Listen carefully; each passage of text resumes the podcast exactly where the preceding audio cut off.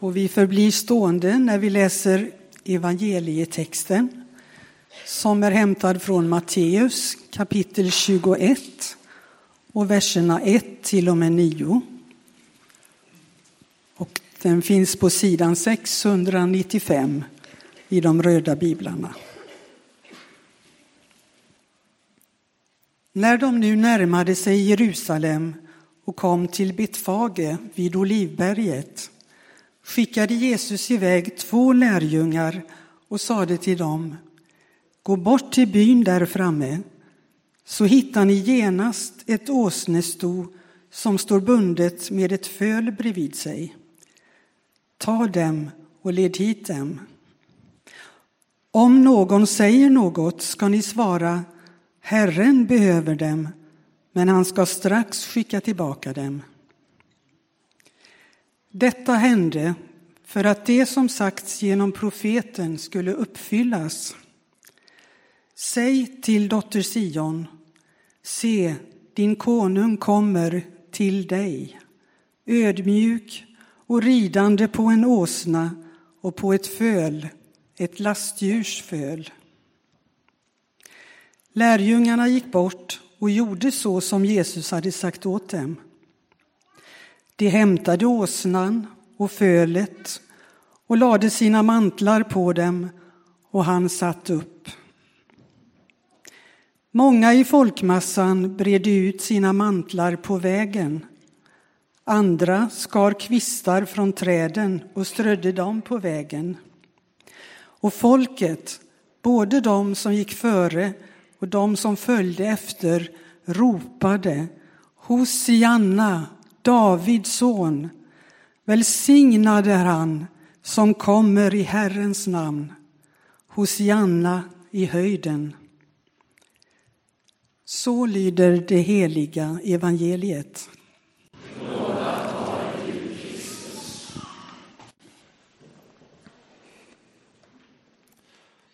När man är på väg in i någonting nytt om man avslutar någonting gammalt som man varit i länge så uppstår en gratis situation för en självreflektion däremellan. Vem har jag blivit i det här sammanhanget? Och ännu viktigare, vem vill jag vara dit jag nu går? Så här är det med mitt liv just nu. Här har jag varit pastor i snart 20 år och jag är på väg in i någonting nytt. Men det här är ju en reflektion som jag tycker man behöver göra mer än vart tjugonde år. Gärna varje dag. Vem har jag blivit? Och vem vill jag vara? Och om nu varje dag är väl att ta i, överambitiöst, så hitta någonting mellan vart tjugonde år och varje dag. Varför inte varje år?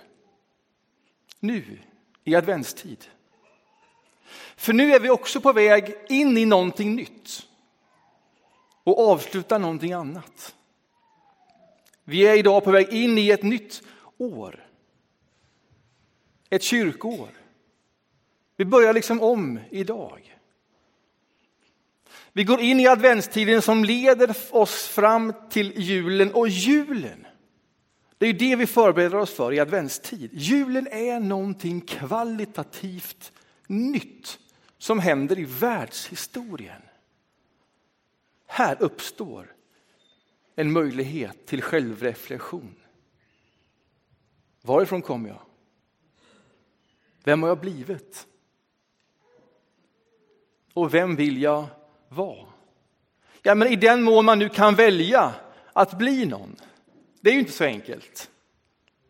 För det vet vi också alla att man blir ju någon i ett samspel med sin omgivning. Här har jag blivit någon i samspel med alla er. Och med de som jobbar här och teamet och i den vardagen. Och så kommer det också bli nästa steg. Och så är det i allas våra liv. Vi blir ju någon i ett samspel med de människor vi har omkring oss. Och vi blir någon i vår tid. Därför att vår tid är som vår tid är. Och det är mer subtilt och svårupptäckt.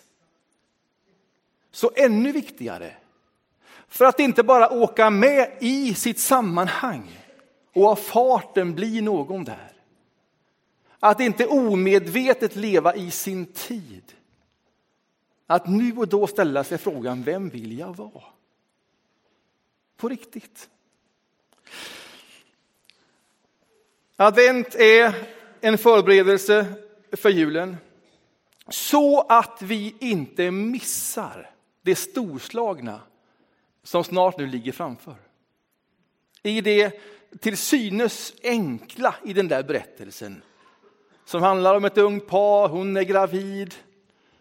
De söker någonstans att bo, de är på väg i en liten by för att skattskriva sig, de hittar ingenstans, de får ta in i ett stall, extremt enkelt och där föder hon sin son. Ja, men ni kan berättelsen. Om det läser vi till jul. Vad är grejen med det? Alltså vad är det vi förbereder oss för nu i fyra veckor? För att inte missa det storslagna i det på ytan så enkla. Vad är det? Om man ska skala av den här perioden av advent fram till jul på allt pynt och komma ner till en koncentration av vad det är det handlar om och vad det är vi förbereder oss för så blir det en hel del pynt att skala bort. Jag gillar pynt i, i måttlig mängd. Det ska inte vara överpyntat. Men ändå liksom en känsla, vi är ändå i advent och jul och hela stan är ju överpyntad. Och vi har en dragkamp hemma, hur pyntat ska det vara egentligen? Ja, vi har hittat en bra kompromiss. Men nu skalar vi bort också detta som är så vackert och läckert i den här perioden. Ta bort allt det. Ta bort också till och med det storslagna i en första adventsgudstjänst. När vi drar på med det bästa och allt vi har. Skalar vi bort detta. Varför drar vi på med så mycket pynt och storslagenhet? Tar vi bort allt det så finns det ju i botten av det några få berättelser. Det är det det handlar om. Den ena berättelsen, ja men den har jag redan berättat, det handlar om jul. En väldigt enkel berättelse.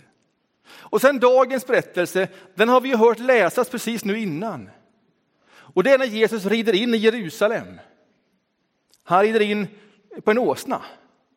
Väldigt oväntat och enkelt. Han rider in där och det skapar en uppståndelse och människor blir glada. Det finns en förväntan i luften. Man lägger man lägger blad längs vägen och man ropar Hosianna och, och det här är verkligen en konung, eller vem är han egentligen? Och så uppstår det frågeställningar. Det är ju berättelsen idag. Allting kokar ner till den berättelsen. Och det är den berättelsen som sen får oss att, att pynta till här och verkligen ta i, därför att det är värt det. Om man nu ska komma bakom och under till och med de här berättelserna kan man koncentrera dagens berättelse som vi har läst kan vi få fatt i den berättelsen, i saken, i budskapet. Ännu mer koncentrerat än i berättelsen som sådan. Jag, jag tror det. Jag är övertygad om det. Jag tror man kan få fatt i hela innehållet i ett enda ord som vi läste. Hela den här berättelsen den bottnar i en äldre berättelse från profeterna. Och där läste vi så här. Säg till dotter Sion, se din konung kommer till dig, ödmjuk och ridande på en åsna och på ett föl, ett lastdjurs föl. Där har vi det. Vad är ordet? som hela berättelsen kokar ner till. Vad är ordet om vi får fatt i det?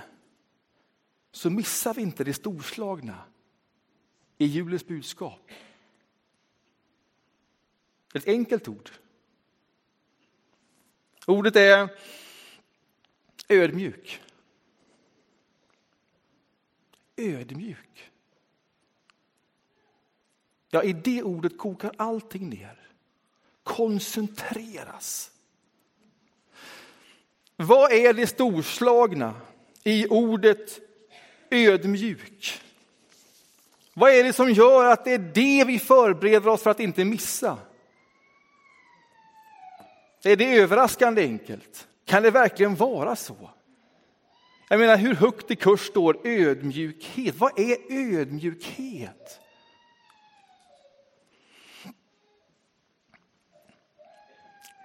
För att få fatt i det. Och nu vill jag dra de långa linjerna för att sätta berättelsen, profetorden och orden i ett sammanhang. Så ställer vi frågan, vad är motsatsen till ödmjukhet? Om det är ena sidan, vad är då andra sidan som kontrasterar ödmjukhet? Ja, på andra sidan finns högmodet. Här är de långa linjerna. Gud skapar världen. Han skapar människan. Han ger henne förutsättningar för att njuta av det som är skönt. Ta emot det som är gott och leva i det som är rätt. Och så ger han dem några restriktioner, några gränsdragningar. Njut av detta. Ta emot det vackra. Lev i det goda. Agera rätt. Här är några få förhållningsregler. Något att hålla sig i. Det här är nu er trädgård. Och så börjar berättelsen om människan i den trädgården. Och det går inte långt i den trädgården förrän det letar sig in en tanke hos de två. Det här går ju bra. Ja, varför skulle vi ge oss själva begränsningar? Vi är större än så här. Vi klarar det bra. Vad var det han sa? Skulle Gud ha sagt? Jag skulle Gud ha sagt. Det här klarar vi. Och så börjar det smyga sig in någonting i tankevärlden som sen får effekter på hur man handlar och hur man gör. Vi kallar det för högmod, att klara sig själv. Att inte behöva den andre, att inte behöva Gud. Att inte behöva begränsningar när vi gör det själva. Och när högmodet smyger sig in, då smyger det sig in ett gift i tillvaron. Och det giftet har sedan fortsatt att smyga sig in här och var. Och gör det fortsatt. Vad är botemedlet mot det giftet? Nej, det finns bara ett botemedel. Ödmjukhet. Med ödmjukhet botar du högmodet. Detta visar sig vara så svårt. Ja, inte ens möjligt för oss. Därför att det har en stark dragning det där. Varför skulle jag sätta upp begränsningar? Det här går ju bra. Det är den berättelsen vi läser om. De långa linjerna. Och då, till sist, efter en lång period, så blir det som profeterna har sagt. Gud lämnar oss inte, utan han kommer till oss. Och han kommer till oss på det sättet, ja, enda sättet som kan rå på högmodet. Vad är det? Han kommer till oss ödmjuk. Han möter oss på det sättet. Han gör det som inte är möjligt för oss och han gör det hela vägen. Det är osannolikt Han gör det hela vägen. Han blir botemedlet. Han öppnar upp en ny väg. Och så säger han, följ den här vägen. Det här är en bättre väg. Den här vägen, den leder till livet. Den sätter ihop er med varann igen. Och den sätter ihop er med Gud igen. Följ den. Följ den. Så kommer han till oss. Och när han kommer till oss i ödmjukhet så tas han emot som den konungen med kvistar och annat och sånger och ett hosianna. Och man hyllar honom och man lovsjunger honom som sin kung och allt är ju gott och rätt och riktigt för så ska han ju hyllas om han är denna fantastiska, fantastiska gåvan, människan och Gud till oss. Och samtidigt, samtidigt som det är helt rätt, så är detta ytterligare en frestelse för honom. Att bli upphöjd. Inte av sig själv, men påhejad av andra. Och få känna att, ja just det, varför ska jag ge mig själv begränsningar? här går ju bra. Och så underblåst och påhejad, lite grann vika av från det som var hans väg. Hans gåva, det enda botemedlet mot högmodet. Men han gör inte det. Han står fast i sin väg, i sin person. Han är djupare rotad än sin kontext och vem han blir i mötet med människor. Han har djupare rötter än så.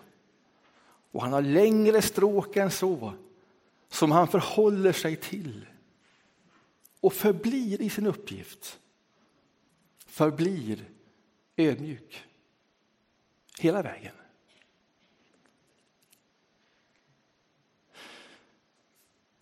Det är det vi läser om på jul. Det är enkelt. Obarmhärtigt enkelt. Det är ett stall nästintill ovärdigt. Det är Guds entré till oss. Och så håller han fast vid det hela vägen, ända till döden. Ja, döden på ett kors. Så många gånger han har möjlighet att vika av. Så många gånger som människor vill hjälpa honom att förstå hans storhet, gå en annan väg. Så många gånger han frestas att verkligen visa alla vem han är. Men han håller fast vid det som behöver hållas fast vid. Som man kom hit. Ödmjuk. Det enda botemedlet mot högmodet. Och när man sen ska reflektera över honom, vad gjorde han egentligen? Vem var han? Hur ska vi förstå detta egentligen? Då sätter man just de orden på honom. Lyssna här, Paulus ord. Alltså han ägde Guds gestalt. Ja men det var ju vem han var. Men han vakade inte över sin jämlikhet med Gud. Hur är det möjligt? Utan avstod från allting. Det är ju inte klokt. Och antog en tjänares gestalt. Det är Gud vi talar om när han till det yttre blev som en av oss, en människa. Men han gjorde det. Han gjorde det verkligen och han gjorde sig, lyssna, ödmjuk. Och han var lydig, det vill säga han vek aldrig av från det. Han höll fast vid detta. Ända till döden, döden på ett kors. Och just därför, för att han aldrig vek av från detta, sin väg, så har Gud upphöjt honom. Detta förbereder vi oss för att inte missa, för att förstå på väg till jul. Att inte missa det storslagna i det ruggigt enkla. Han kom ödmjuk. Och så kan vi gå in i detta året med start i advent och ställa oss frågan, okej, okay, vem har jag blivit? Så långt i mitt liv. Och vem vill jag vara? Hur gör jag för att inte bara definieras av de relationer jag just nu har omkring mig? Hur gör jag för att inte bara definieras i min samtid och det som nu premieras är stort och viktigt? Hur ser de långa linjerna ut? De verkligt långa linjerna. Och hur ser de djupa rötterna ut? De verkligt djupa rötterna. Här har vi möjlighet att kliva in i den berättelsen. Att få fatt i detta. Han kommer till dig. Ödmjuk. Han viker inte av ifrån det. Han håller fast vid det hela vägen. Följ med honom på den resan. Genom honom få fatt i de långa linjerna. Genom honom få fatt i de djupa rötterna och trådarna. Så att du så småningom i hans liv och person blir den du själv önskar vara. Amen.